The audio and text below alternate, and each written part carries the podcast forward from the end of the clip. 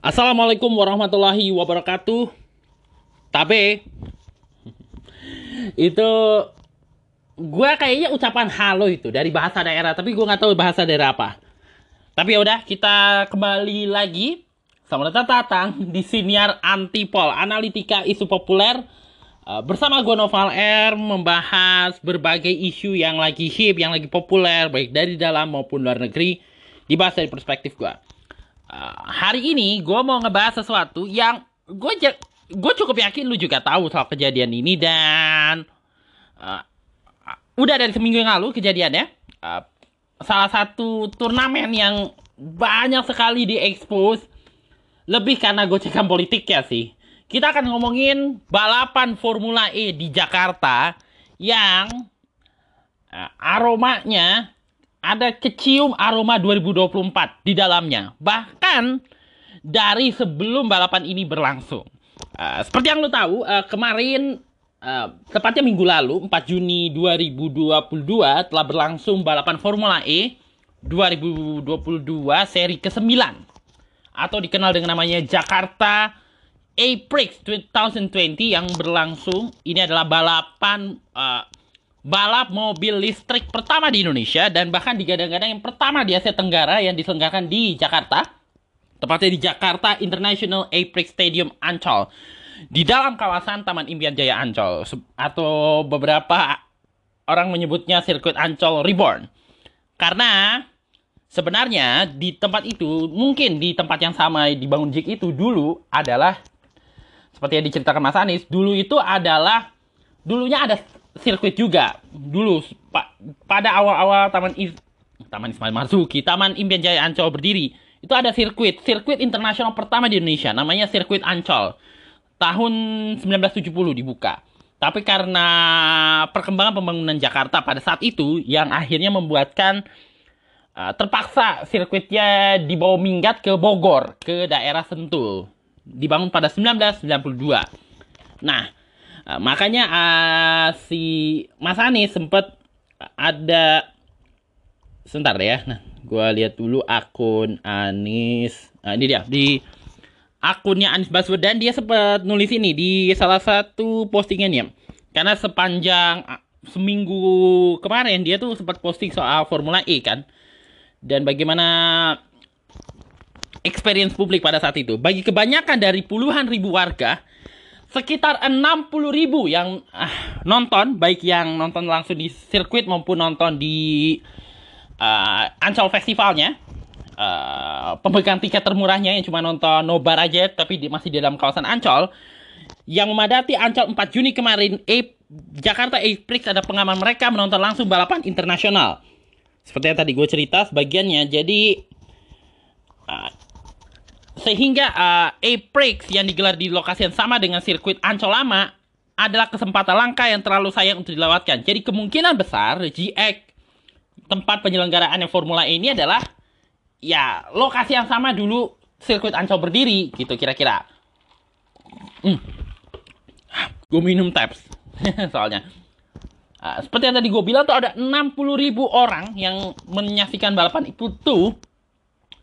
Uh, termasuk juga Presiden Joko Widodo, Ketua DPR Ibu Puan Maharani, si kepaksa kebinekaan.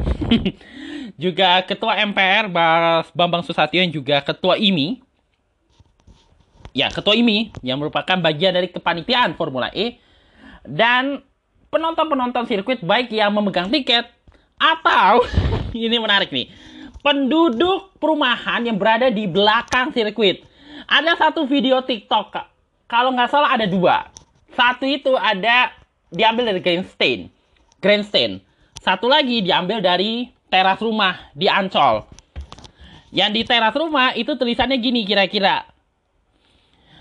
Experience menonton apa sih namanya? Menonton tanpa tiket kalau nggak salah gitu.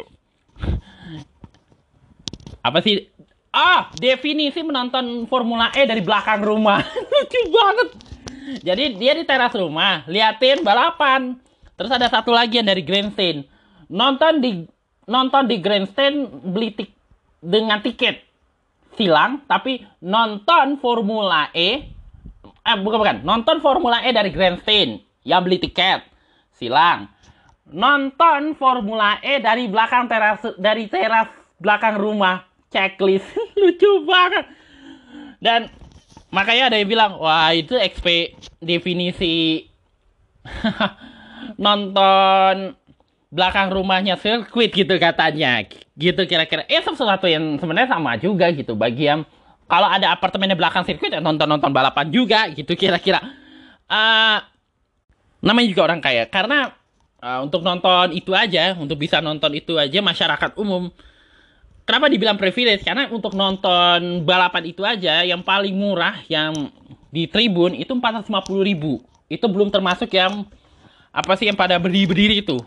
Nah yang mau lebih nyaman lagi dengan disc jockey fasilitas minum segala macam itu ada namanya tiket VIP harganya dari 750 ribu sampai uh, sekitar 10 jutaan gitu kira-kira. Uh, yang jelas singkatnya ada 60 ribu nah yang di sirkuit gue nggak tahu sekitar 20 ribu lebih kalau nggak salah termas belum termasuk yang penduduk-penduduk sekitar perumahan itu tentu saja yang belakangnya perumah belakang sirkuit Ancol atau GX. Nah, sedangkan yang di luar mungkin lebih banyak kali ya. Kalau yang di luar itu 250 ribu nggak bisa masuk sirkuit tapi bisa menikmati fasilitas Ancol sambil nonton Formula E. Fasilitas Ancol ini termasuk wahana-wahananya kayak gelanggang samudra, Dufan dan sebagainya. Makanya uh, apa sih namanya uh, Ancol sempat ditutup kan selama hari balapan tersebut. Nah, uh, balapan ini akhirnya sukses pada akhirnya sukses diselenggarakan, uh, sukses penyelenggaraan dan segala macamnya gitu. Dan dimenangkan uh, balapan seri ke-9 ini dimenangkan oleh Mitch Evans dari TVS Jaguar Racing. Pemenang pertamanya. Yang salah satunya ini Kompas sempat ngutip di artikelnya tanggal 5 Juni salah satu faktor yang kemungkinan menjadi salah satu penyebab kemenangan dia adalah karena dia udah tahu kalau Indonesia itu cuaca panasnya gila-gilaan. Jadi dia paham sehingga bisa menyesuaikan diri gitu kira-kira. Makanya dibilang persiap dari hasil persiapan paripurnanya si Evans dan ke apa ya pembelajarannya terhadap kelihayannya mempelajari cuaca di Indonesia jadi faktor kemenangannya dikatakan kayak gitu. Nah, Eh, balapan Formula E yang telah berlangsung minggu lalu ini ada boleh dikatakan adalah penghujung atau kesudahan daripada uh, proses panjang untuk menyelenggarakan Formula E yang penuh dengan drama politik, uh, sedikit kekacauan-kekacauan di sana sini dan ya tumbuk-tumbukan lah sampai ada interpelasi segala macamnya. Karena karena ada kaitannya dengan Anies Baswedan dan karir politik beliau gitu yang suka di apa ya dipush untuk untuk bisa maju lebih tinggi lagi jangan hanya posisi gubernur kalau bisa posisi nasional gitu kira-kira sehingga akhirnya karena gocekan politik yang kuat sekali pembahasan terhadap balapan formula ini menjadi ramai lah dalam tiga tahun terakhir ini. Penuh drama penuh kegilaan. Makanya Anies Baswedan di postingan berikutnya dua hari yang lalu dia nulis gini dalam tiga tahun terakhir di antara semua kegiatan mungkin yang paling banyak mendapat pemberitaan termasuk uh, berbagai hal ya. Mungkin kegiatan-kegiatan seni budaya atau ya dalam konteks ini kegiatan olahragaan baik yang multi cabang maupun yang spesifik cabang per cabang gitu, cabang olahraga tertentu, mungkin yang mendapat banyak pemberitaan adalah Formula E. Makanya dia bilang, kami berterima kasih kepada teman-teman media yang ikut mencatat proses bersejarah ini, kata Anies. Gelaran Formula E di Jakarta diliput langsung oleh ratusan jurnalis dari berbagai negara, dan ajang balapnya sendiri ditayangkan ke 150 negara. Terima kasih telah membantu mengirimkan pesan kepada dunia, pesan tentang kemajuan dan perubahan bahwa Jakarta siap ambil tanggung jawab sebagai kota global, kota yang ramah lingkungan. Itu pernyataan uh, Anies Baswedan. Sedangkan Presiden Jokowi yang hadir di balapan tersebut itu sempat bilang bahwa Formula E ini adalah ajang saya rasa Formula E ini menurut dia Pak Jokowi menyifatkan ini sebagai tontonan masa depan dan ajangnya ini adalah bagus penyelenggaraan balapan ini bagus untuk Indonesia yang sedang mengembangkan ekosistem kendaraan listrik. Dan beliau berharap lebih banyak lagi ajang yang sejenis Formula E ini. Nah, tadi gue bilang bahwa Formula E ini adalah proses panjang. Kegaduhannya bahkan melibatkan media nasional sampai jadi isu nasional bahkan. Bahkan kalau dibandingkan dengan isu Tanah Abang sekian tahun yang lalu, ini lebih gila lagi karena ini ada ada faktor elektoral di dalamnya. Bahkan dari baru pertama kali uh, Jakarta mempropos untuk menjadi tuan rumah Formula E aja itu ributnya bukan main. Walaupun gue bukan penikmat uh, olahraga balapan ya, gue cuma karena diselenggarakan di Indonesia aja jadi dan ramai dibahas orang Indonesia makanya gue mau bahas gitu ya dari perspektif gue. Tapi karena gue ngikutin Anies Baswedan ya, ngikutin Anies Baswedan dari dulu ya dan postingan-postingannya dan bagaimana dia menjalankan program-program baik di Kemdikbud di Pemprov DKI. Jadi gue ngikut gitu, terbawa juga sama bagaimana formula ini berproses gitu dari awal sampai akhirnya goals balapan dan terselenggara dan sukses gitu. Termasuk drama-drama di belakang layarnya itu gila-gilaan. Gue ngikutin sekali beritanya. Da, ya, ya seperti yang tadi dibilang Mas Anif bahwa ini udah tiga tahun dan mendapat perhatian gitu dari bahkan dari dipropos uh, uh, sebenarnya kan sebuah uh, gelaran gitu sebuah kejuaraan internasional. Kalau digelar di Indonesia ya itu sesuatu yang uh, sebenarnya ya sesuatu yang lumrah gitu. Kalau ada sebuah negara dipercaya untuk menggelar sebuah bal, uh, kejuaraan internasional berarti ya Indonesia diperhitungkan gitu di dalam kalender dunia. Kayak temen gua si Fitria kan me, ada upload yang kegiatan Indonesia sebagai tuan rumah uh, kejuaraan hoki dunia eh, kejuaraan hoki dunia atau kejuaraan hoki Asia gitu di Jakarta. Karena ya karena Jakarta punya lapangan hoki yang bertaraf internasional yang bisa digelar untuk acara internasional. Walaupun uh, ada kejuaraan itu tentu tidak semua memberitakan apalagi media nasional gitu. Ya media-media yang uh, di mana sukan dari luar negeri yang memang sukan hokinya itu memang mencuri perhatian aja gitu kalaupun ada media Indonesia biasanya bukan media-media nasional dan bukan jadi isu nasional juga gitu tapi kalau yang balapannya atau kejuaraannya itu menyangkut uh, olahraga yang banyak digemari kayak MotoGP, kayak bola, kayak bulu tangkis, kayak dan Indonesia yang jadi tuan rumahnya atau multi event kayak Asian Games, SEA Games, Olimpiade. Oh, gila sekali pemberitaannya. Apalagi Formula E. Jadi walaupun mungkin Indonesia karena kelayakan ada arena yang bertaraf internasional sehingga bisa digelar balapan, itu bukan jaminan juga sebenarnya uh, untuk sebuah kejuaraan internasional itu mendapat perhatian. Gak semua kejuaraan internasional di Indonesia itu mendapat baik yang diselenggarakan Indonesia atau di Indonesia dipercaya sama lembaga internasional atau badan induk olahraga internasional menggelar acara tersebut itu mendapat perhatian. Biasanya yang mendapat perhatian itu yang memang atensinya cukup banyak aja di Indonesia.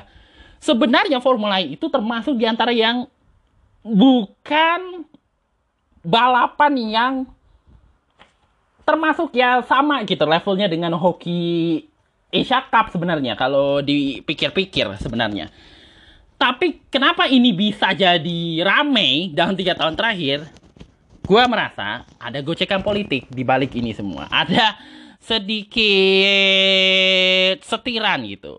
Ada kekhawatiran bahwa ini bisa menaikkan uh, orang yang menggolkan formula ini makanya diributin.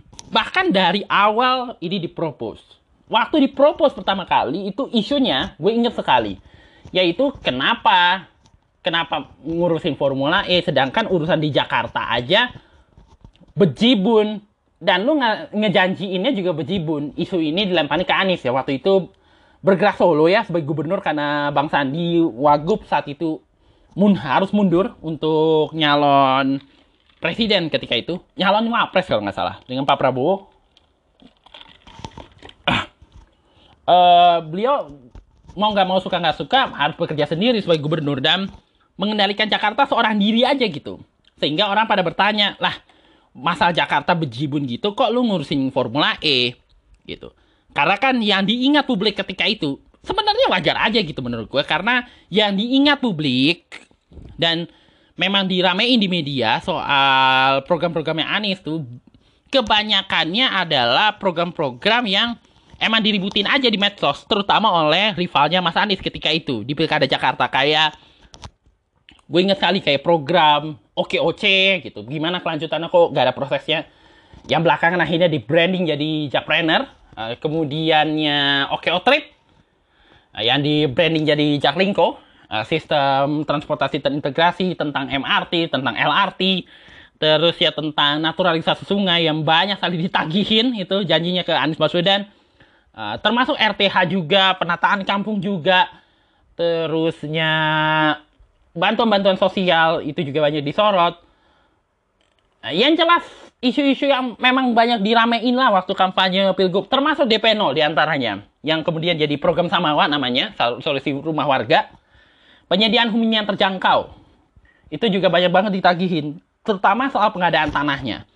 Nah, sehingga ketika tiba-tiba Anies memposting sekitaran Juli kalau nggak salah posting yang Jakarta berhasil men, me, diterima proposalnya oleh FIA di Departemen Formula E-nya untuk menyelenggarakan Formula E, orang bertanya-tanya, eh, tapi ini kan nggak masuk program, Nis. Nggak ada di program lo. Siapa bilang nggak ada di program? Gua sebagai orang yang mengikuti juga uh, perjalanan Mas Anies di Pilkada Jakarta, termasuk mengikuti kampanyenya, terlibat bahkan dalam proses walaupun cuma buzzer ya pada saat itu. Pendapat ini mungkin keliru karena dua hal. Dan gue yakin ini dua hal. Kenapa sekaligus juga dua hal yang mungkin menjadi penyebab kenapa Anies mempropos Formula E. Kalau dibilang nggak ada di program, keliru juga karena sebenarnya kalau lu baca lebih lanjut uh, visi misinya 23 janji kerjanya Anies Sandi uh, waktu beliau maju gubernur ya. Salah satu yang dijanjikan ke warga Jakarta adalah festival tahunan. Festival sepanjang tahun. Uh, bukan hanya dalam festival untuk memeriahkan suasana Jakarta gitu ya. Festival tahunan. Kayak festival kebudayaan ya. Ya istilahnya tuh apa pun karena kan Jakarta sebagai kota yang perkumpul tempat pusat pertemuan semua budaya itu memerlukan festival tahunan yang terselenggara secara apik, tersistematis setiap tahun. Jadi uh, kemeriahan Jakarta bukan hanya pas ulang tahun Jakarta aja gitu kira-kira atau pas lebaran Jak Betawi aja gitu. Kalau bisa setiap tahun tuh uh, ada perayaan ya bahkan bisa memanfaatkan momentum hari besar keagamaan untuk bikin festival kayak akhirnya Pemprov DKI memunculkan Natalan di Jakarta dengan Christmas Carol dan segala macamnya. Terusnya Imlek di Jakarta bikin acara barongsai. Uh, terusnya bikin acara uh, karnaval Imlek dulu waktu belum pandemi. Ya, termasuk juga Natal di Jakarta itu masang pohon Natal di ikon-ikon Jakarta di Kota Tua, di Monas, di Tamrin 10 sempat juga Nah, termasuk juga kayak nyepi di Jakarta, terus ada festival Paskah di Jakarta, Taman Lapangan Banteng, termasuk juga yang kemarin nih, Ramadan di Jakarta. Uh, kebetulan gue datang juga ke sana karena ada bazar Ramadan di Lapangan Banteng itu. Karena gue mau nonton acara musik di situ, tapi gue nontonnya pas selesai, gila juga gue. Uh, ah, gue ke sana karena salah satu panitia yang collaborate sama penyelenggara Ramadan di Jakarta, Pemprov DKI, itu temen gue si gue mau ketemu sama temen gue juga sekalian si Revaldi Revaldi Nasution pemiliknya Malar Cafe. Jadi sekalian pengen ketemu aja dan ngerasain langsung bagaimana festival yang dibikin sama Pemprov Jakarta. Uh, sebenarnya memang itu bagian dari janjinya Anies yaitu membuat festival setiap tahun di Jakarta. Namanya festival setiap tahun di Jakarta kalau nggak salah. Coba deh lu lihat lagi janji kerjanya Anies Sandi. Ada atau enggak ya kalau nggak salah? Masih ada? Nggak tahu deh di internet masih ada atau enggak Termasuk di antara itu faktor pertama. Faktor keduanya ada kaitannya dengan isu yang sempat ramai ketika itu yaitu mengenai polusi di Jakarta. Kalau lu ingat uh, 2019 pertengahan tahun itu sempat rame soal Jakarta menurut uh, satu situs pengukur uh, kualitas udara itu paling polutan lah, antara yang paling polutan di dunia berkali-kali. Berkali-kali, bertubi-tubi. Bahkan sempat hat trick bahkan. Uh, salah satu kota yang paling polutan lah gitu. Tingkat polutannya paling tinggi lah gitu sesuatu yang mengagetkan publik karena ini baru kembali terjadi, baru bisa baru naik ke tingkat dunia dan terpublikasi setelah tiga dekade. Karena terakhir Jakarta dikatakan paling polutan di dunia menurut data, based in data itu tahun 1990 bersama dengan Thailand bersama dengan New Mexico. Tiga besar lah, tapi gue gak tahu di urutan berapa waktu itu. Uh, sempat diposting juga sama si siapa tuh si Erik Prasetya di postingannya. Lu coba cari deh di Banal Estetik di Instagramnya. Ada tentang masalah polisi di Jakarta. Ada satu foto dia tuh.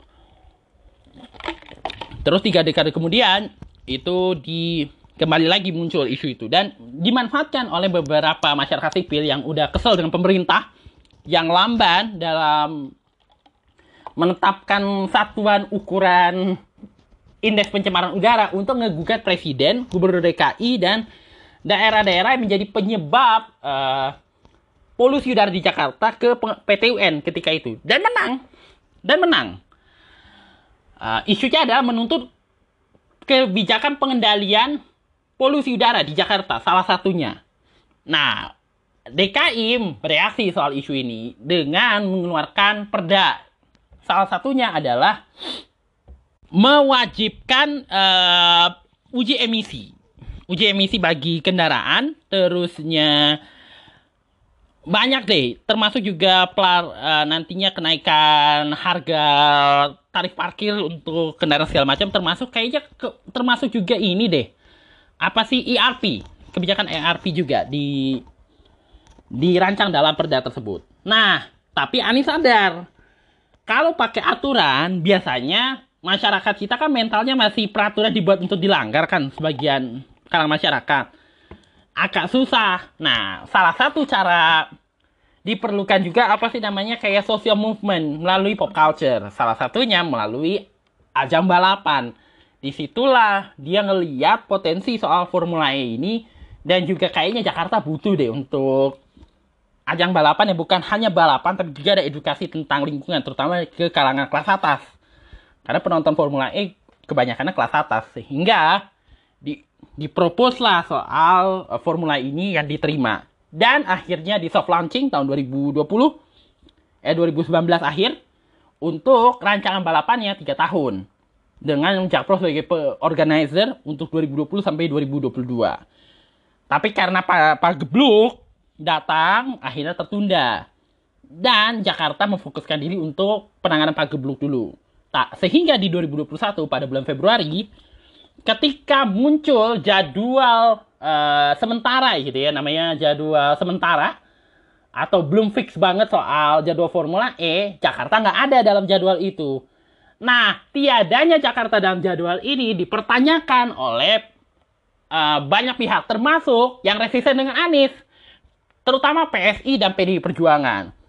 Lah, perasaan lu udah keluarin uh, anggaran cukup banyak deh untuk Formula E, tapi kok nggak ada ya. dalam apa sih dalam jadwal gimana nih tanggung jawabnya Jakpro, EcoSpeed, uh, komite karena kan sempet ini diurus sama komite EcoSpeed Jakarta karena mau dibikin festival EcoSpeed.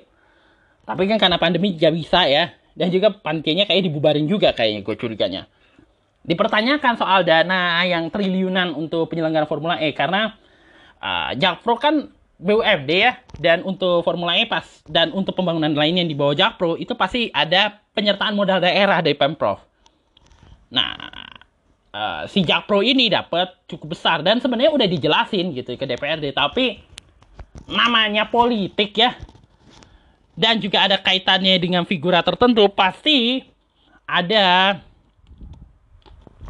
apa istilahnya ada kecurigaan yang berlebihan cenderung berdendam terutama dari yang resisten terhadap Anies. Sehingga muncullah uh, usulan interpelasi, terutama dari yang diusulkan oleh teman-teman PSI dan PDIP. Yang belakangan akhirnya seperti yang gue jelasin di sini ya musim pertama ya. Mungkin lu boleh dengerin juga uh, waktu itu tajuknya kalau nggak salah Baswedan versus Ganesa. Waktu itu isunya adalah soal ribut-ribut PSI dengan Anies Baswedan. Terutama salah satunya karena Formula E.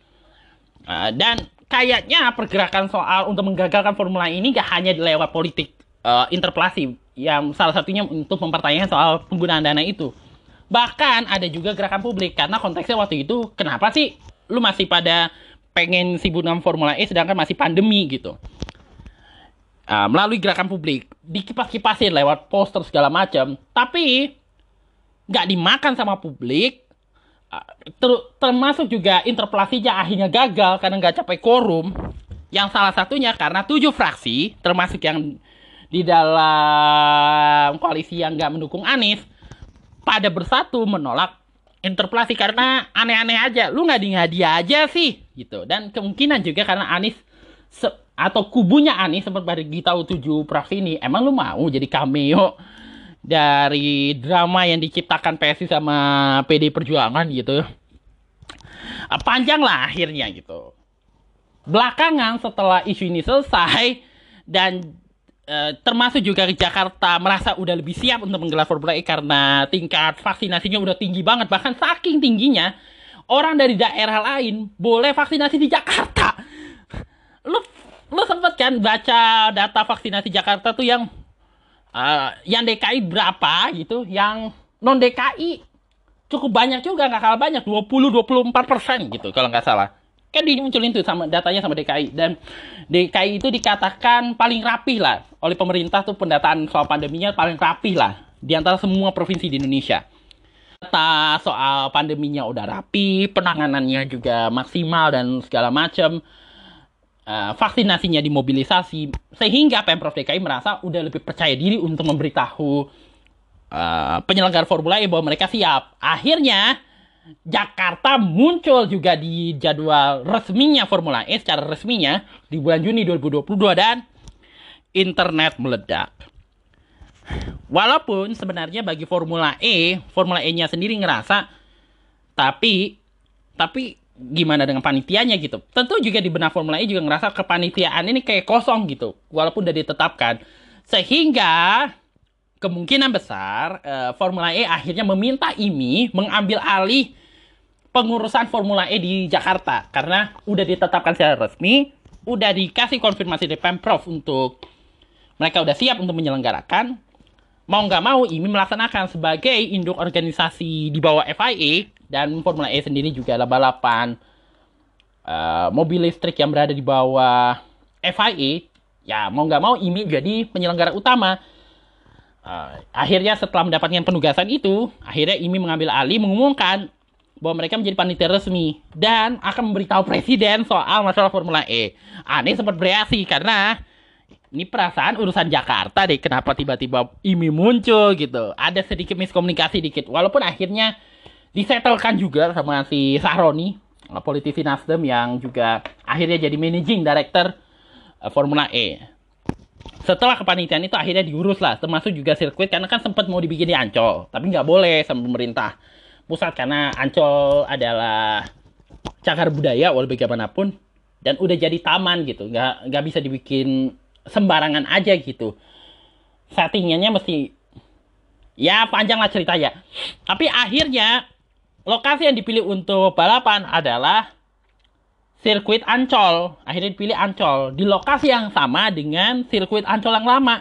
GX itu di belakangnya Ancol Bay City yang sempat jadi uh, pantai karnaval kalau nggak salah yang dibikin untuk konser-konser pada masa itu, konser pinggir laut pada masa itu, pada zamannya.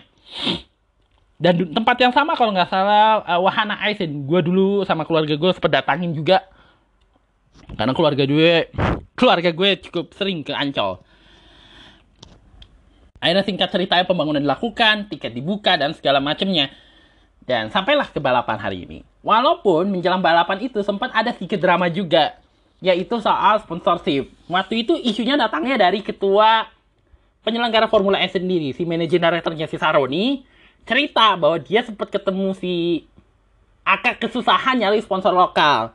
Sehingga ketemu nyari oh, dana dari lokal. Salah satunya dia sempat ketemu, dia cerita ketemu sama Menteri BUMN si Erick Thohir dan dia bilang nggak tahu di acaranya hal bihal Nasdem atau apa, dia bilang, "Eh, Erik, kalau boleh BUMN sponsorin yuk untuk balapan Formula E. Sampai menjelang hari H nggak ada konfirmasi dan sampai akhirnya diumumin sponsor lokal yang nggak ada BUMN sama sekali. Bahkan yang ada pun cuma kalau nggak salah Taman Impian Jaya Ancol sama Bank DKI itu pun BUMD. Terus dipertanyakan sama si Sahroni, gimana nih udah gue tawarin malah ditolak disia-siain gitu aja. Terus si Erick Thohir eh kalau nggak salah jubirnya si uh, Erick Thohir si Arya Sinulinga yang notabene anak buahnya Haritanu sempat bilang lu telat harusnya lu bagi tahu dari sebelumnya tiga bulan sebelumnya soal sponsorship terus ya setelah Formula E pun itu akhirnya ada tanggapan juga dari Dirut Pertamina Bunike Widiawati sempet nanggepin dan nanggepinnya agak serius juga kalau gue pikir tapi kan ini balapan formula apa ya? Balapan mobil listrik dan mobil listrik kan nggak pakai minyak kan? Iya bener bu, betul. Memang ya sebenarnya nggak ada salah juga dengan pernyataan Bunike soal uh, nggak sponsorin Formula E karena Formula E ini balapan mobil listrik dan mobil listrik ini nggak pakai premium gitu istilahnya.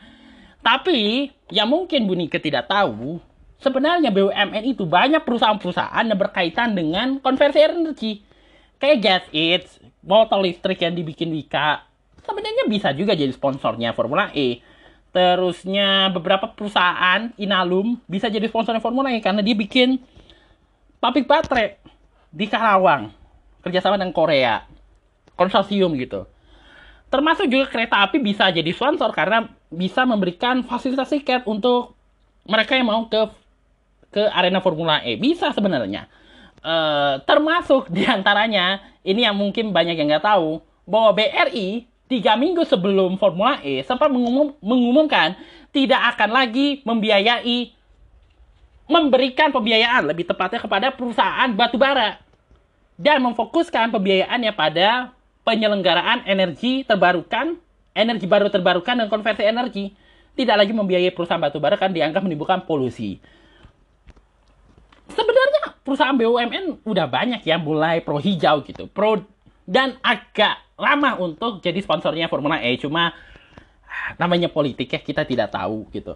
Sehingga beberapa kalangan termasuk kalangan politik ngecium, ini kayaknya ada aroma dari awal proses sampai settle nih aroma 2024 kerasa banget deh. Gitu. Karena seperti yang gue bilang juga di sini ya, kalau misalnya nih balapan sukses dan memang sukses kan akhirnya dibilang sukses diselenggarakan dan media menulis seperti itu walaupun ada yang meragukan juga sebenarnya balap kesuksesan balapan ini bisa dimanfaatkan terutama oleh penyokong Anies yang push Anies untuk jadi capres sebagai modal untuk Anies melaju di Pilpres 2024 karena adalah beberapa survei terakhir bahkan survei terbarunya ya, Institute eh Poll Tracking ya kalau nggak salah namanya. Eh iya Tracking atalah itu Anies masih bertengger di tiga besar uh, elektabilitas calon presiden tertinggi. Walaupun masih di posisi tiga juga gak berubah gitu. Nomor satunya tetap Gajah Pranowo nomor duanya tetap Prabowo Subianto gitu. Masih bertenggernya Anies Baswedan dalam survei capres ini dan juga besarnya uh, keinginan gitu. Sorry ada gangguan. Uh, maksud gue besarnya engagement supaya uh, terhadap uh, Anies di bursa capres 2024 ini yang menyebabkan dan bahkan gue bilang ini salah satu penyebab kenapa orang pada khawatir kalau formula ini bisa dipush dan dapat dukungan banyak, ini bisa jadi modal gitu istilahnya. Makanya ada yang mencoba untuk menggagalkan lah dan itu wajar sebenarnya.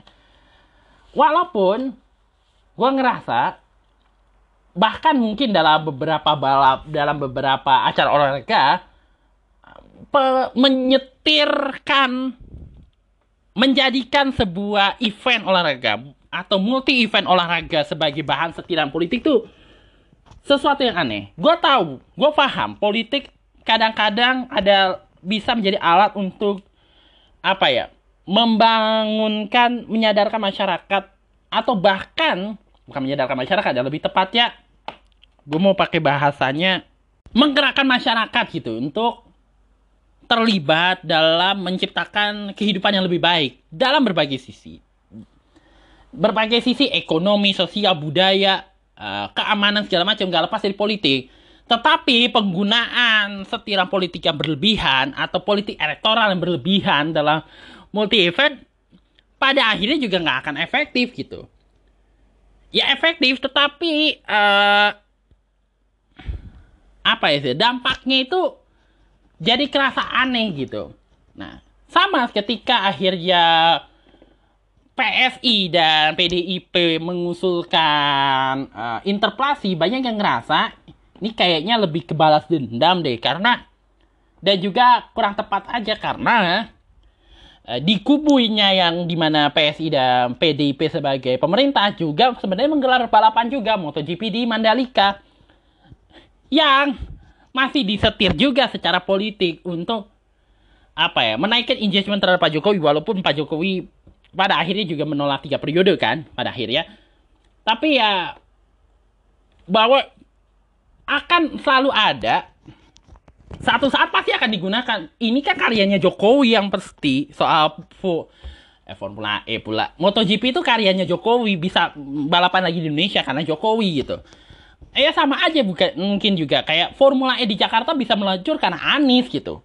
Padahal uh, tujuan utama permainan politik ini yang menyebabkan akhirnya kelihatannya balapan ini bukan akhirnya jadi tidak kerasa untuk kepentingan Indonesia ya lebih ke permainan politik semata. Padahal ya sayang juga karena pada akhirnya kan tujuannya adalah untuk menaikkan nama Indonesia di mata dunia gitu, membuat dunia lebih yakin bahwa Indonesia tuh bisa loh. Kalau balapan atau acara internasional bisa sukses, ya bisa membuat Indonesia bisa dipercaya lagi untuk menggelar acara-acara internasional lainnya. Sesuatu yang juga terjadi pada FIBA Asian Cup pada FIBA eh, pada Piala Dunia Basket yang juga digelar di Indonesia, kayak Piala Dunia U21 yang juga U20 atau U21 gitu yang digelar di Indonesia juga termasuk Asian Games. Nah, ini Asian Games juga salah satu contoh nyata bagaimana politik elektoral bekerja gitu, menyetir uh, kegiatan tersebut. Waktu itu Pak Jokowi sekitar 2018 gue ingat sekali. Apa sih namanya sempat curhat gitu yang promosi Asian Games ini kurang banget gitu apa namanya kurang greget gitu. Sehingga dia meminta bantuan influencer memanggil influencer untuk mempromosikan Asian Games. Nah di saat bersamaan pemerintah akhirnya uh, apa sih namanya pemerintah lagi uh, penyelenggara Asian Games Inaskok ketika itu akhirnya mengeluarkan beberapa lagu untuk mengepush masyarakat lewat promosi Asian Games termasuk melalui slang salah satunya slang di ajak dalam kolaborasi ini. Karena kan slang penggemarnya cukup banyak ya di Indonesia tapi masih belum bekerja juga. Bahkan gue sempat diskusi ini sama temen gue. Temen SMA temen waktu SMA yang kebetulan kerja di event si Elisha namanya. Elisha Marcelin gue bilang ini kayaknya kurang greget deh yang lagu-lagu Asian Games. Gue curhat sama dia. Iya bener sih Val gitu kata dia. Sampai satu hari ada seorang bapak-bapak di Pluit Jakarta mau apa ya me, apa sih istilahnya dengan semangat keluargaannya gitu ya keluargaannya sebagai seorang warga merasa terpanggil untuk apa ya menaikkan engagement warga Jakarta gitu terhadap Asian Games. Tapi dengan caranya kalau masyarakat kan gas uangnya nggak nggak besar besar bahkan nggak sebesar duitnya Sandiaga Uno atau duitnya Hairul Tanjung atau duitnya Edi Sari Atmaja kan atau duitnya si Anthony Salim deh yang jadi salah satu sponsornya uh, Asian Games ketika itu. Duitnya nggak sebesar mereka makanya dia terus terpikir untuk masang bambu. Dia beli bendera-bendera negara peserta Asian Games terus dia beli bambu dipasang di jalanan uh, Pluit Jakarta. Viral viralnya sih lebih ke dibully-bullyin sama orang-orang. Masa sih eh, eh masa sih bikin Asian Game promosin Asian Game pakai bambu, kemunduran itu. Akhirnya orang-orang merasa pada minder. Kayaknya sih mencoba menurunkan moral orang pemerintahan juga akhirnya diturunin gitu. Anies tahu kejadian ini, akhirnya dia ngirim disposisi ke wali kota Jakarta Utara. Eh, kenapa harus diturunin? Itu semangat warga dan warga juga nggak harus nggak harus emang kemampuannya dia emang segitu aja gitu untuk meromosin Asian Games. Udah suruh pasang lagi. Akhirnya tuh bendera bambu yang sempat diturunin akhirnya dipasang lagi atas disposisi gubernur dan juga memang tujuan untuk uh, uh, untuk mempromosikan Asian Games dan memang itu caranya dia gitu. Nah sejak itu apa pun kegiatan warga akhirnya ada instruksi yang Pemprov DKI ketika itu wajib mendukung apa pun kegiatan warga yang berkaitan yang tujuannya untuk mensukseskan Asian Games. Apa baik itu bikin mural, bikin pamflet segala macam, masang bendera lah segala macam. Akhirnya yang akhirnya membuat uh, gerakan untuk mensukseskan Asian Games tuh menggema di Jakarta ketika itu. Makanya Anies di Mata Najwa sempat bilang, ini kayaknya ya efek-efek residu pilkada aja gitu. Uh, soal keramaian yang ditimbulkan dari masalah benderanya Asian Games yang diramein itu. Tapi akhirnya gerakan publik itu yang membuat publik akhirnya uh, engagementnya yang awalnya agak gimana gitu terhadap Asian Games Uh, karena penganggaran dan segala macam yang gede-gedean gitu akhirnya jadi engagementnya tinggi gitu terutama akhirnya karena pawai gue kan sempet ikut juga pawainya kan pawai Asian Gamesnya juga. Tuh waktu pawai obor lewat beberapa jalan di jalan yang lewatin pawai obor gitu gue ngeliatin siswa-siswa pada ngibarin bendera segala macam termasuk uh, waktu uh, pawai ini melewati kawasan apa sih nama kawasannya itu? Aduh gue coba inget-inget ya nama kawasannya. Ah kawasan Glodok Jakarta. Itu ramai sekali yang menunjukkan bahwa apa ya antusiasme publik terhadap Asian Games tuh tinggi gitu di Jakarta dan akhirnya pada saat harinya tiba opening seremoninya gila-gilaan eh, terus pertandingannya dipenuhin oleh warga terutama dukungan kepada karena Indonesia kan bertanding di semua cabang ya di semua cabang, terutama yang berlangsung di Jakarta dan Palembang. Dan juga karena Indonesia berprestasi dan akhirnya membuat Asian Games ini jadi sesuatu yang mungkin adalah banyak yang bilang itulah salah itulah masa ketika orang tuh lagi happening happeningnya gitu. Masa paling happening lah gitu. Pada satu masa ketika pemberitaan di Indonesia itu gak ada satupun yang menyangkut politik gak ada yang menyangkut pilpres. Pada waktu itu udah awal pilpres beritanya Asian Games saja mulu yang di headline gitu karena prestasi Indonesia-nya luar biasa, partisipasi warganya tinggi gitu. Berita politik tuh untuk pertama kalinya uh, pada masanya tuh hampir gak ada sama sekali, termasuk berita pilpres hampir gak ada. Semua beritanya soal Asian Games pada masa itu di media masa gitu, ketika Asian Games berlangsung.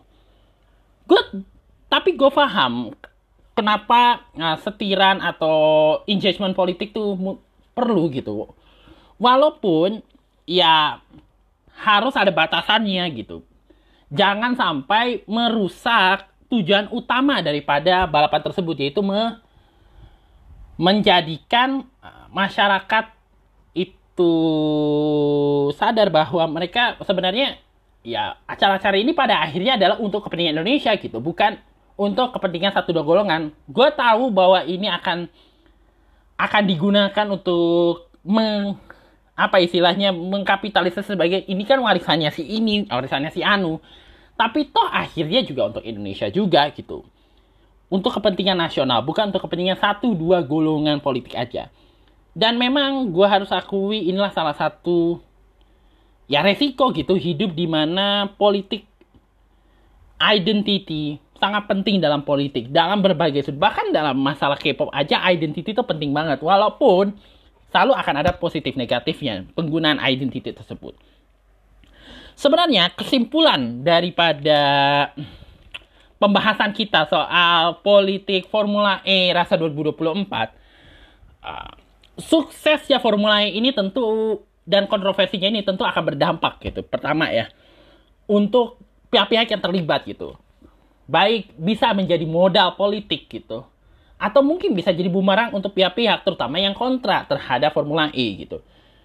Uh, secara permainan politik terutama dalam menuju 2024 juga ini engagement bagaimana setiran politik itu berpengaruh sekali gitu terhadap besarnya perhatian publik terhadap Formula E yang akhirnya justru menjadi kayak senjata makan tuan karena pada akhirnya publik engagementnya jadi tinggi gitu terhadap Formula E yang ya seperti yang ditakutkan oleh pihak-pihak yang nggak setuju dengan Formula E gitu pada akhirnya dan uh, setiran politik terhadap acara-acara olahraga nasional maupun internasional sebenarnya nggak salah juga gitu. Sebenarnya tidak salah. Cuma pada kadar tertentu itu tentu akan berdampak negatif gitu. Malah akan menutupi tujuan sebenar dari uh, penyelenggaraan kompetisi itu yaitu menaikkan nama Indonesia apa istilahnya membawa Indonesia sejajar dengan bangsa-bangsa lain dunia dalam penyelenggaraan olahraga. Dan daripada permainan politik yang cenderung liar ini terus diteruskan dalam uh, menyetiri kompetisi-kompetisi internasional, ada baiknya uh, kekuatan politik yang ada saat ini, ke yang kadang-kadang tak terkontrol ini, mendingan energinya gue usul disalurkan untuk membuat lebih banyak bakat-bakat terpendam, bakat-bakat yang tiada keringnya dalam olahraga Indonesia tuh bisa mengembangkan bakatnya lebih jauh karena ada kecenderungan di politik Indonesia itu bahwa hanya mau membantu kalau mereka orang itu berprestasi. Belum berprestasi nggak akan dibantu sama sekali. Itu yang terjadi pada Rio Haryanto, terjadi juga sama Mbak Suci Narendra dan juga ada kalau atlet di sini kan uh, karena emang masalah konflik di pertubuhannya aja gitu. Daripada apa ya energi politiknya terlalu dihabiskan untuk meributkan perlu enggaknya sebuah kompetisi mendingan didistribusikan untuk apa ya mendorong regenerasi olahraga secara lebih baik gitu. Bagaimana supaya uh, pengelolaan olahraga di Indonesia tuh profesional gak lagi disetiri untuk apa ya kebutuhan profil organisasi untuk pencalonan politik semata, tapi memang untuk membuat lebih banyak uh, bakat-bakat olahraga ini jangan sampai terbunuh mimpinya. Kalau bisa mimpinya untuk menjadi olahragawan berprestasi dan hidup daripada prestasi yang dia capai, tercapai pada akhirnya. Jangan sampai ke apa ya, nafsu berlebihan ini membunuh mimpi mereka yang ingin mewujudkan cita-citanya di dalam dunia untuk hidup dan berkarir di dunia olahraga. Dan lebih baik energi politik kita diper, dilakukan untuk memperjuangkan mereka. Termasuk yang udah tidak lagi uh, jadi atlet untuk terjamin kesejahteraannya, termasuk bakat-bakat muda Indonesia di dunia keolahragaan untuk terus berkembang terutama kayak di bulu tangkis juga kayak kemarin kan yang peringkat tiga tiga tiga bisa ngalahin peringkat satu dunia. Kalau dengan politik yang baik, orang ini bisa lebih berprestasi lagi gitu. Gitu kira-kira. Uh, pembahasan dan ulasan panjang tentang uh, keriuhan Formula E yang gue bahas di episode kali ini. Kita jumpa kembali di episode berikutnya daripada Senior Antipol Analitika Populer.